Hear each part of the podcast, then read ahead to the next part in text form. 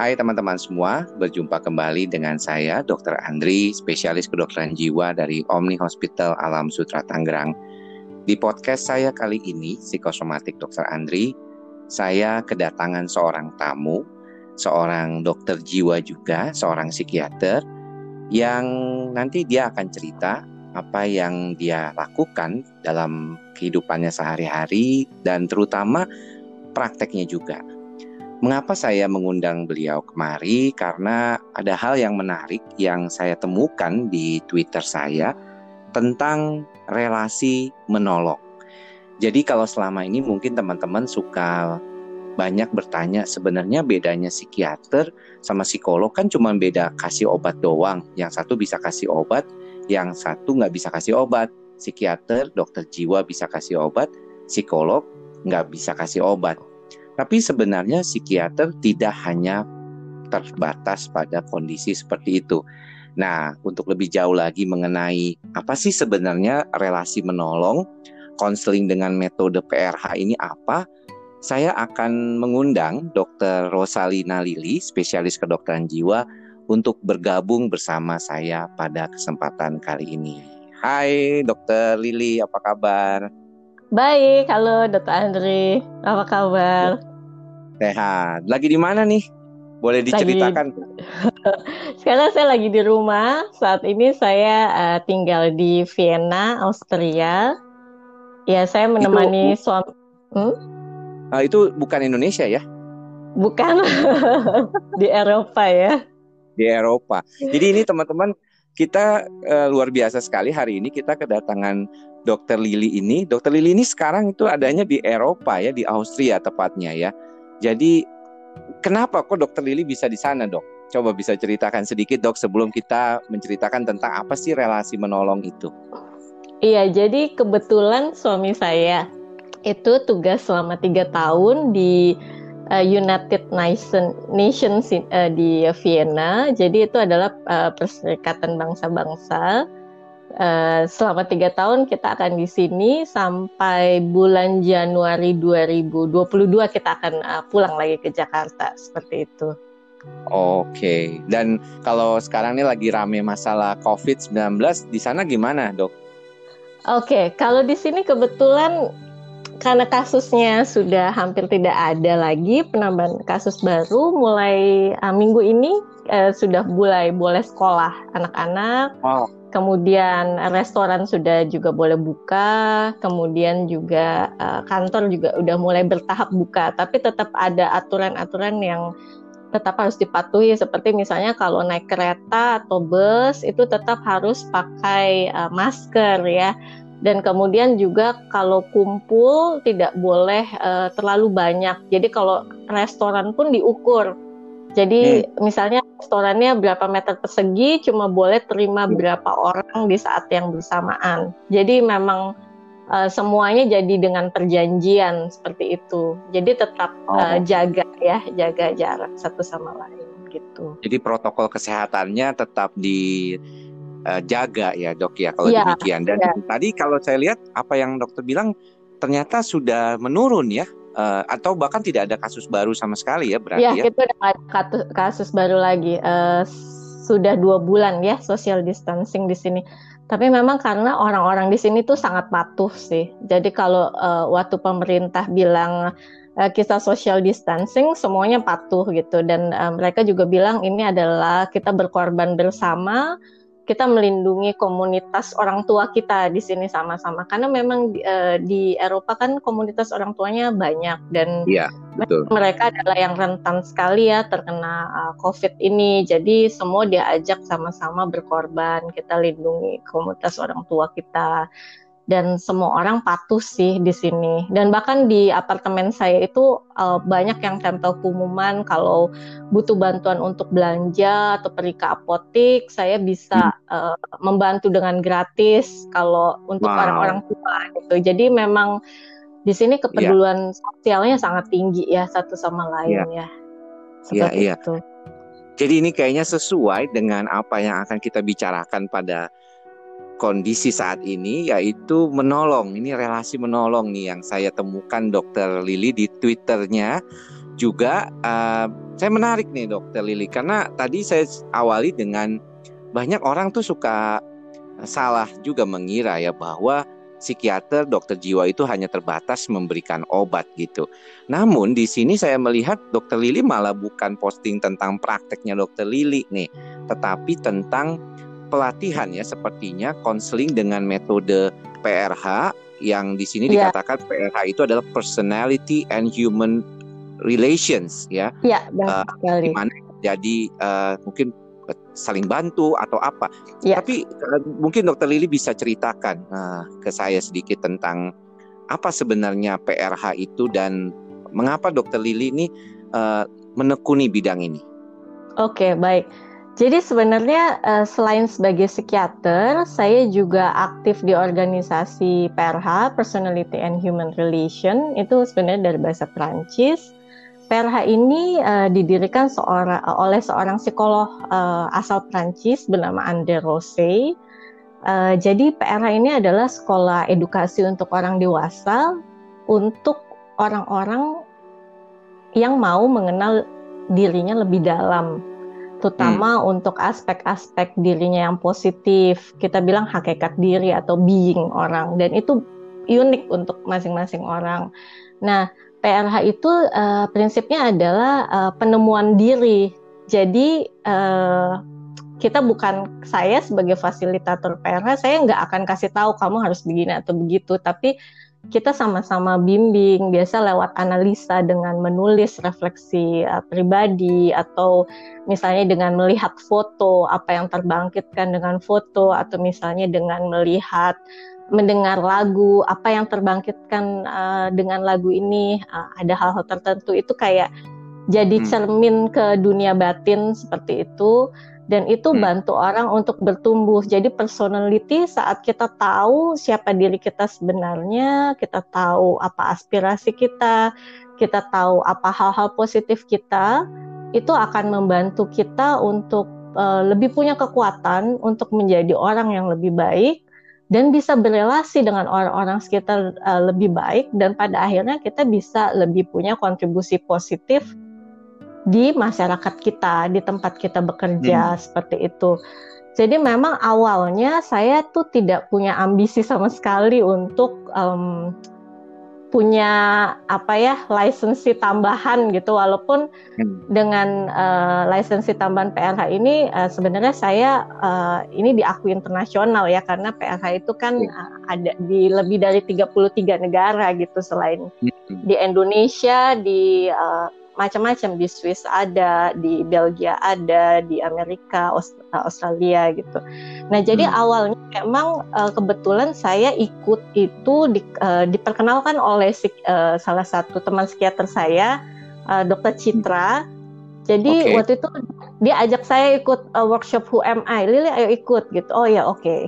aku ikut aja. Jadi memang untuk pengembangan pribadi saja gitu, karena saya suka belajar, saya suka belajar psikoterapi, saya pengen bisa jadi orang yang lebih baik juga karena ilmu-ilmu seperti ini kan juga akan bantu dalam tugas saya karena tugas saya dalam psikiater kan mendampingi orang. Jadi kalau saya dampingi orang di kesehatan mentalnya, tentu saya juga harus peduli dong di kesehatan mental saya. Jadi awalnya saya gunakan itu untuk diri sendiri, tapi ternyata setelah saya mengikuti lebih jauh, saya jadi lebih kenal dengan diri saya sendiri. Terus pernah satu kali, uh, jadi di PRH kita ada yang namanya relasi menolong. Jadi di antara sela-sela sesi itu saya minta waktu untuk konseling uh, PRH ini relasi menolong dengan pendamping. Waktu itu saya agak lupa masalahnya, tapi uh, kalau nggak salah saya uh, ada masalah di relasi ya. Kayaknya saya punya rasa marah yang berlebihan dan saya juga nggak tahu kenapa ya kok kejadiannya udah selesai tapi marahnya tuh masih sisa dalam diri saya. Jadi saya bawa topik ini ke pendamping saya. Jadi konseling PRH itu agak beda. Kita nggak terlalu banyak uh, cerita soal situasinya. Orang ini nyebelin atau dia begini atau begitu, tapi lebih singkat. Situasinya adalah kemarin saya ketemu orang tertentu dan dia berbicara sesuatu ke saya, lalu kemudian ada rasa marah yang besar gitu dalam diri saya Lalu kemudian uh, pendamping saya itu mengajak saya untuk melihat lebih lanjut marahnya itu seperti apa, uh, hmm. apa uh, balik rasa marah itu. Jadi saya juga lebih mengetahui uh, diri saya lebih lanjut. Ini marahnya kenapa sih gitu, kayak gitu kan? Yeah. Nah setelah saya lebih tahu, oh ternyata di balik itu uh, ada sesuatu saya jadi hmm. lebih tahu bagaimana saya bisa uh, mengatasi rasa marah itu gitu. Jadi nggak menyalahkan orang lain, tapi di saya berusaha ambil tahu jawab apa yang saya bisa lakukan terhadap ini. Kalau memang ternyata marahnya itu terkait ada isu-isu di masa lalu saya, ya saya akan selesaikan. Tapi kalau marahnya itu karena memang uh, ada hal lain, jadi kita tuh lebih tahu gitu uh, bagaimana kita jadi mengatasinya seperti itu itu bantu hmm. saya sekali untuk bisa mengenal diri saya sendiri dan pada akhirnya saya merasa uh, karena saya bisa mengenal diri saya sendiri saya juga bisa um, terkoneksi dengan hal-hal baik dalam diri saya saya sadar sekali nilai-nilai apa yang saya punya itu menjadikan saya bisa uh, mungkin nggak berlebihan saya bilang PRH itu menyelamatkan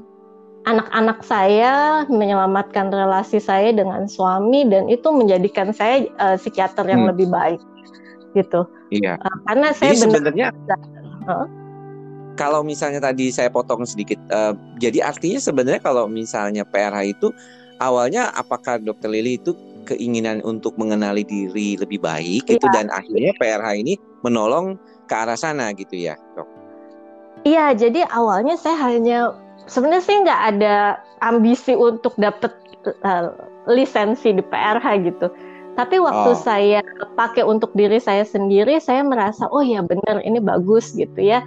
Saat uh, pendamping saya itu bisa mendampingi saya dengan baik, dengan saya merasa saya bisa didengarkan tanpa tidak dihakimi. Saya juga merasa ada cinta yang tulus ya dalam mendampingi saya dan saya juga hmm. merasa dia uh, memberikan saya kebebasan gitu hmm. sebagai hmm. orang dewasa kayak kamu bisa uh, mengambil langkah A, B atau C tergantung apa yang kamu inginkan gitu jadi bukan dia kasih tahu kamu harus A, B atau C gitu jadi saya juga merasa uh, diterima, dihargai dan di saat yang sama itu relasi sangat menghidupkan buat saya dan saya mulai terapkan ke pasien-pasien saya dan itu ternyata dampaknya besar. Eh, setelah itu saya meneruskan si akhirnya training saya di PRH karena saya melihat dampaknya itu untuk diri saya sendiri juga untuk orang-orang yang saya dampingi seperti itu Dokter Andri.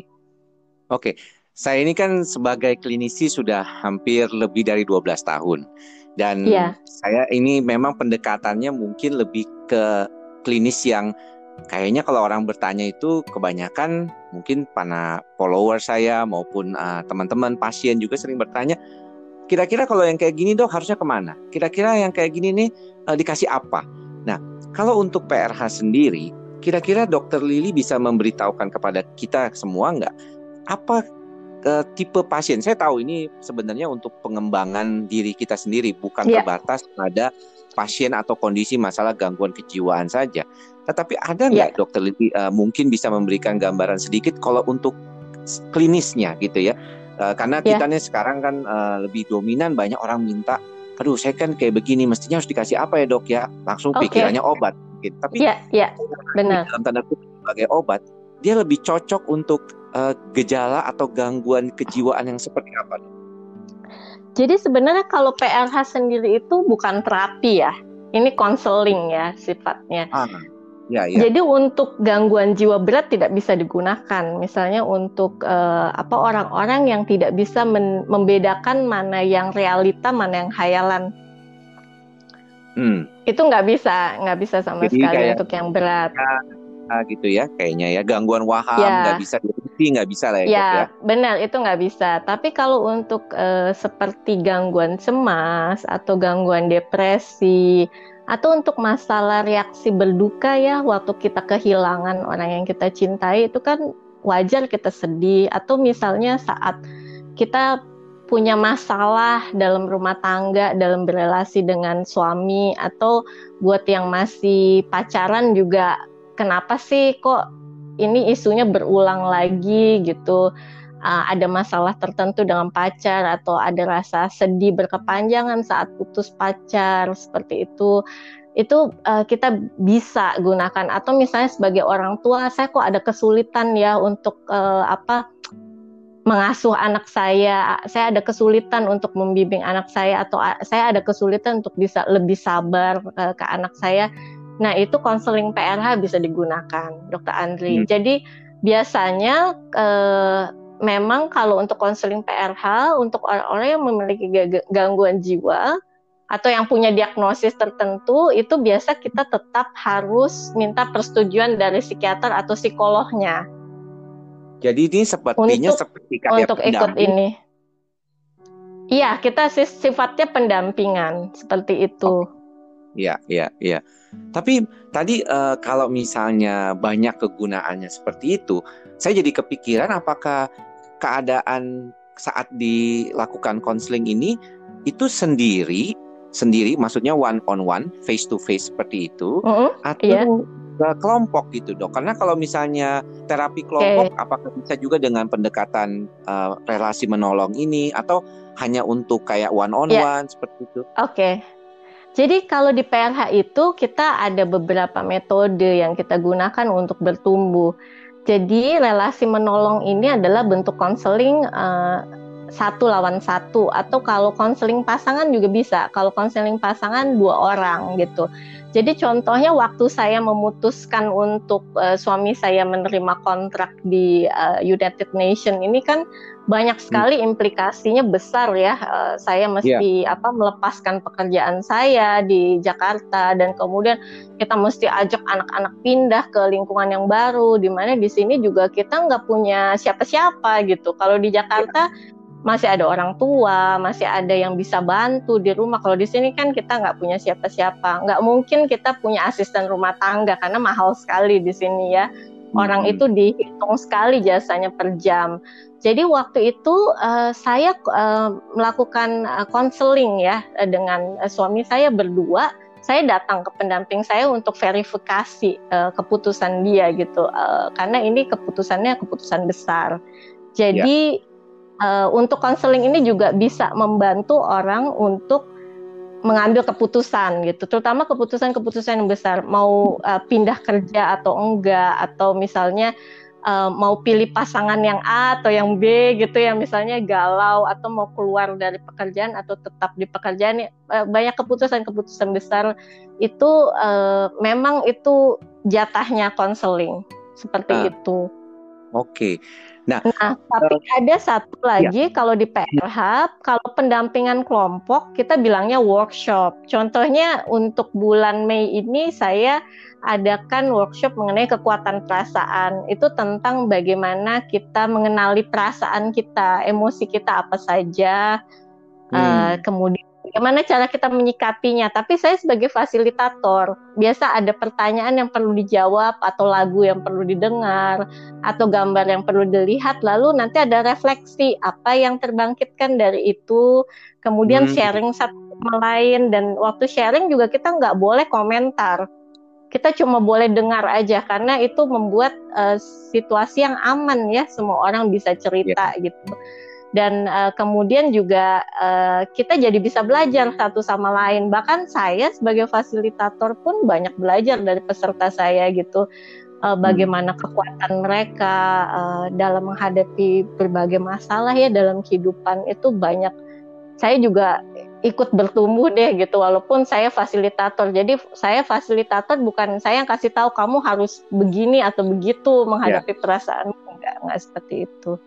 Gitu. yeah, yeah kalau misalnya kita melihat adanya keuntungan-keuntungan yang berkaitan dengan uh, teknik konseling ini gitu dalam relasi menolong, sekiranya apa yang menurut uh, Dokter Lili punya advantage? Ya, maksudnya uh, ini satu privilege yang dipunyai oleh relasi menolong oleh PRH, tapi tidak dipunyai oleh teknik terapi lain. Karena kita tahu kan setiap teknik terapi itu punya kekhasannya sendiri uh, teknik konseling juga demikian punya kekhasannya sendiri kalau dokter Lili melihatnya ini PRH ini bisa menjadi salah satu pilihan yang tadi sudah disebutkan tetapi dia punya keuntungan gitu yang mungkin tidak dimiliki oleh yang lain gitu Oke, jadi menurut saya uh, paling utama DPRH yang saya rasa saya uh, merasa saya mau gitu ya uh, bertumbuh dengan PRH dan bantu orang lewat PRH adalah pendekatannya humanistik. Ah. Pendekatannya ya, ya. adalah manusiawi. Jadi kalau di PRH kita nggak pernah bilang orang itu kayak kamu itu gangguan cemas, kamu gangguan depresi atau apa hmm. gitu. Tidak melihat gitu. manusia. Ya kita nggak pernah kasih label kita dan saya juga jelas ya, saya selalu bilang walaupun saya psikiater saat ini saya melakukan uh, fungsi saya sebagai konselor PRH dalam arti saya tidak akan memberikan diagnosis dan saya hmm. tidak akan memberikan obat. Uh, jika kalau di Jakarta saya bisa uh, kombinasi, jadi saya jelaskan ini yeah. peran saya sebagai psikiater ya kalau memang kamu butuh obat, jangan stigma, kamu harus minum obat gitu. Tapi hmm. setelah uh, periode krisisnya lewat, yuk kita sama-sama olah diri kamu, lihat kekuatan diri kamu ya. supaya besok-besok kamu lebih kuat gitu. Ya.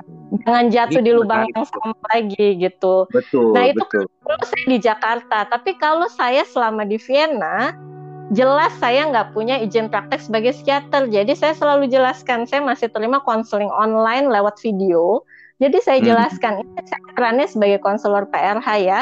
Kalau misalnya uh, dirasakan perlu, ya tetap harus uh, datang ke psikiaternya masing-masing gitu untuk ambil obat gitu. Saya juga masih ada beberapa uh, yang pasien cemas atau depresi itu uh, kita kerjasama sama psikiaternya ya. Seperti itu. Jadi memang dua-duanya jalan untuk masalah hmm. konseling bagaimana dia merawat pertumbuh kembangannya, bagaimana dia bisa uh, melihat balik aspirasi hidupnya, melihat apa kekuatan dirinya itu memang dibantu lewat konseling. Sementara untuk kalau misalnya uh, diagnosisnya ya tetap uh, ditangani oleh psikiaternya gitu seperti itu. Jadi saya jelas nah, sekali sih kalau di sini.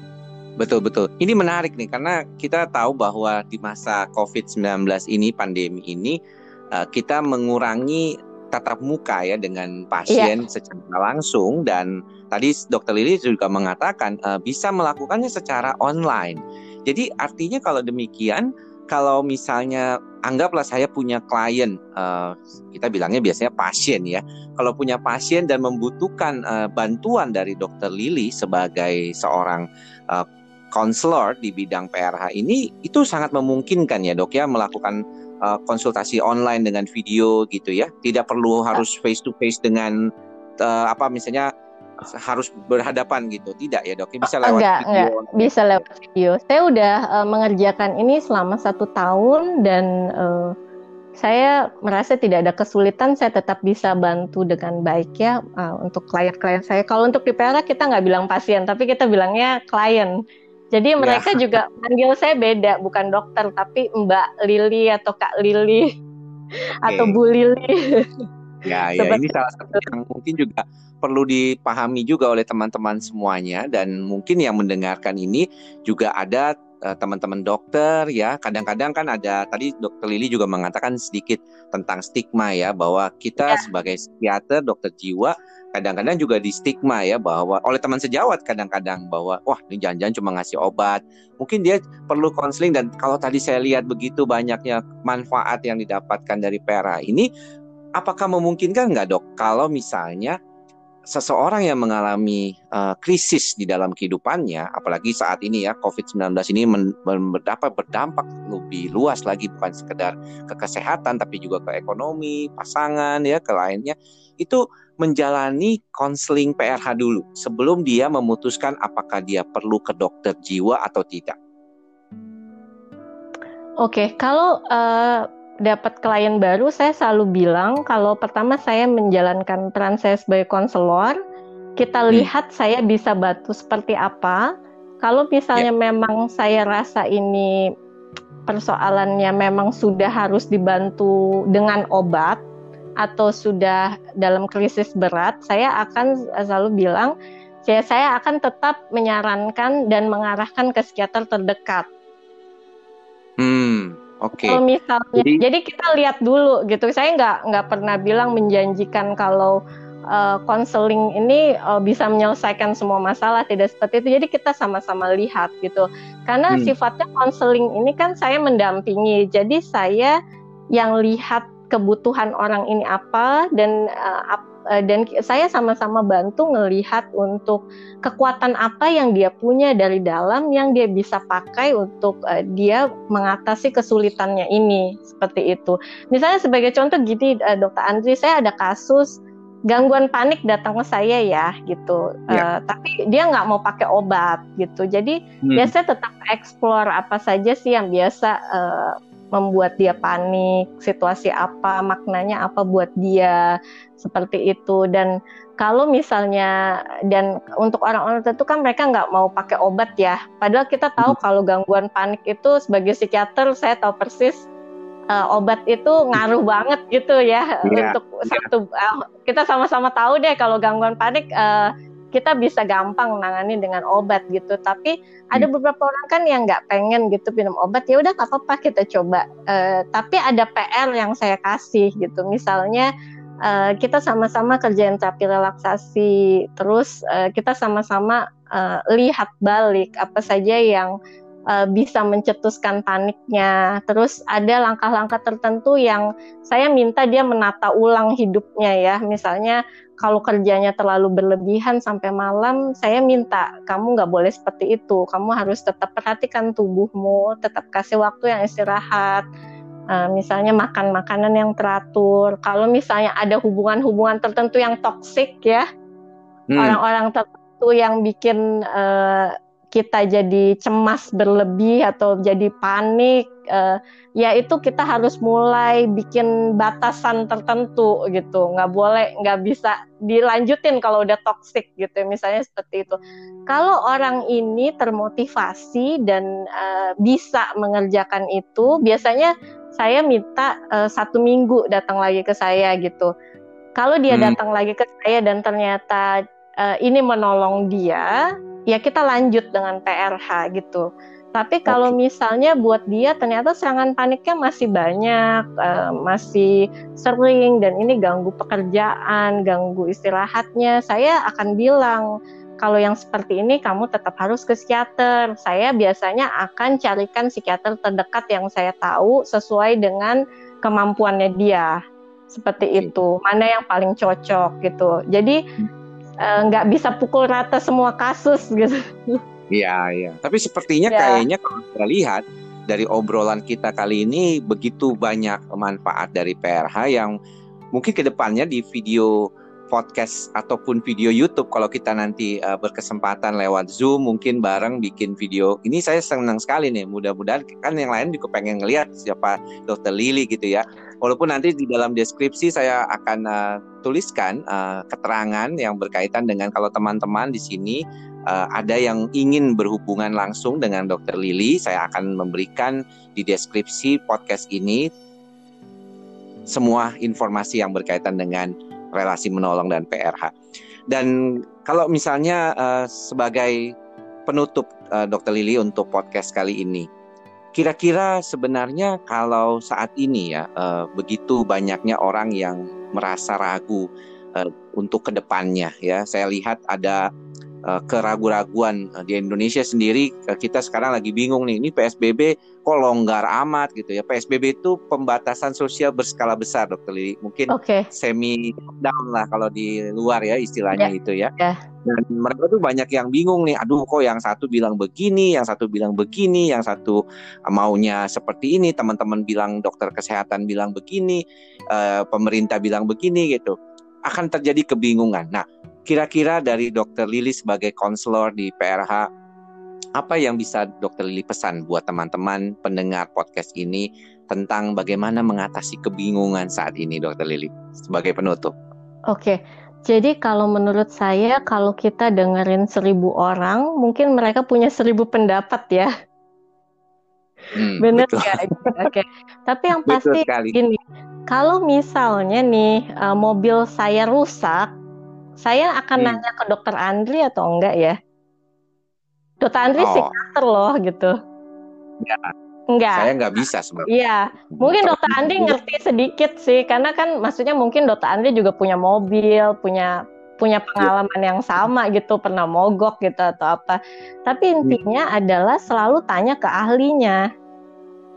Hmm, betul, Kalau betul, betul. Uh, saya mobilnya rusak, tanya ke dokter Andri nggak pas. Kalau mobil saya rusak ya saya bawa ke bengkel gitu. Jadi kalau hmm. misalnya hmm. mengenai um, pembatasan sosial berskala besar ini, menurut saya tetap harus ikuti apa kata pemerintah, apa kata uh, Departemen Kesehatan, karena memang mereka adalah otoritas yang paling mengerti hal itu. Pasti uh, kalau mau tanya seribu orang ya pasti seribu hal yang lain. Dan dan satu lagi menurut saya memang hal ini pasti nggak mudah. Buat kita di sini juga nggak mudah untuk kita nggak ke mana-mana loh dua bulan itu beneran di rumah aja gitu. Tapi kita harus lihat ke nilai kita yang paling dalam apa yang hidup yang bisa memberi kita kekuatan. Kalau buat kita sendiri di sini, buat saya sendiri adalah solidaritas. Kan hmm. mau uh, jadi menulari orang lain seperti itu. Terus yang kedua adalah rasa cinta saya buat diri sendiri dan rasa cinta saya buat anak-anak. Saya cinta ke diri saya sendiri, saya mau menjaga diri saya dan saya tahu persis saya mau jaga diri saya karena saya cinta sama anak-anak saya. Karena di sini kita nggak punya siapa-siapa. Hmm, iya, iya, iya. Oh, jadi benar. Yang pertama kita harus tanya ke ahlinya, ikutin ahlinya. Yang kedua adalah kita harus lihat dari nilai terdalam saya, walaupun ini sulit mengikutinya, nilai apa yang hidup ya dalam diri saya mungkin solidaritas, kepedulian, cinta, macam-macam ya fleksibilitas juga yang tadinya misalnya dokter Andri nggak pernah praktek online sekarang kan jadi praktek online kan perlu ada fleksibilitas juga ya. Atau bisa juga ya. kita uh, terhubung lagi dengan nilai kita berani belajar hal yang baru. Contohnya dokter Andri belajar Webex nih saya tahu persis. Jadi kan biar bisa menolong orang lain itu ada itu hakikat dirinya apa belajar yeah. hal yang baru dan itu memberikan kekuatan buat dokter Andri kreativitasnya dokter Andri. Gimana caranya dokter Andri sekarang bisa nolong orang lewat media sosial? Karena saya lihat dokter Andri aktif sekali ya bikin webes bikin uh, live di YouTube dan Instagram. Itu kan semua kalau nggak datang kekuatannya dari dalam nggak mungkin bisa kejadian. Itu jelas sekali keinginan dokter Andri untuk tetap bisa menolong orang itu besar. Jadi dokter Andri bisa kreatif dan mau belajar hal baru.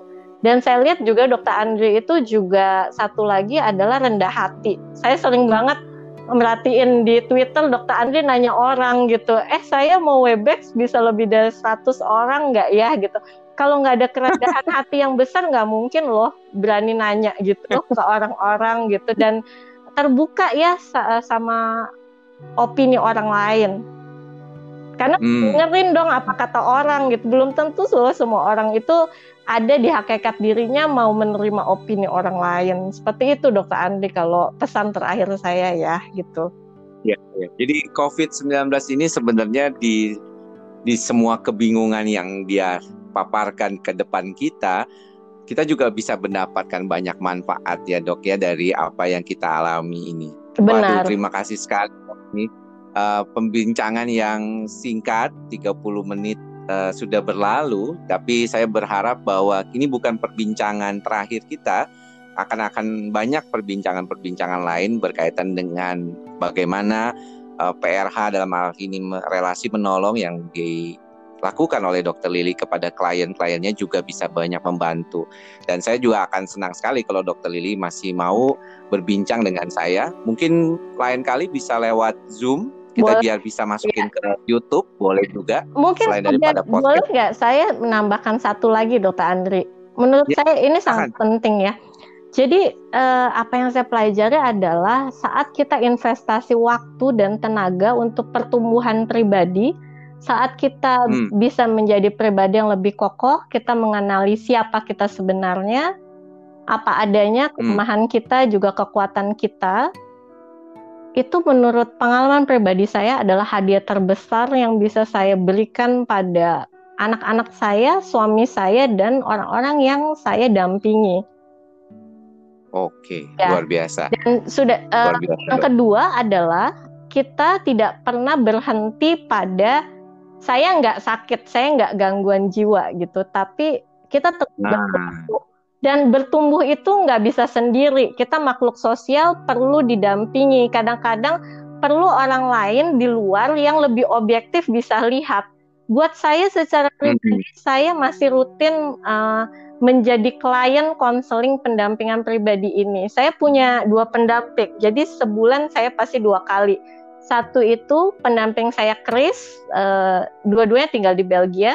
Chris itu adalah hmm. pendamping saya untuk isu pribadi saya.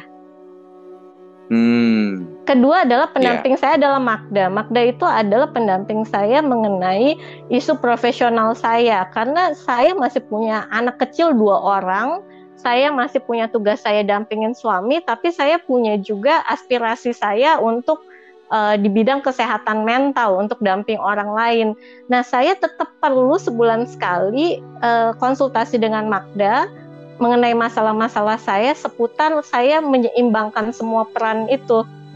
Jangan sampai saya nih ternyata jadi psikiater hebat sekali, tapi keluarga saya nggak saya urusin juga kan gimana saya bisa menyeimbangkan semua peran saya dan saya bisa harmonis hmm. dengan diri saya sendiri untuk bisa tetap jadi ibu yang baik, istri yang uh, suportif dan juga saya bisa jadi uh, pendamping yang baik untuk orang-orang yang saya dampingi baik dari sesi konseling maupun uh, waktu saya mendampingi kelompok seperti itu yeah. melalui workshop PRH. Jadi seperti itu jangan stigma dan kita jangan pernah Betul. berhenti sampai jangan gangguan jiwa aja gitu tapi kita juga selalu ya. uh, bertumbuh karena bertumbuh itu hmm. adalah hadiah terbesar yang bisa kita berikan untuk orang-orang yang kita sayangi itu sih pesan saya terakhir Iya, makasih banyak Dokter Ini jadi sebenarnya banyak ide-ide podcast berikutnya ya saya kira. ayo. Tapi nanti mungkin saya kepingin uh, juga ada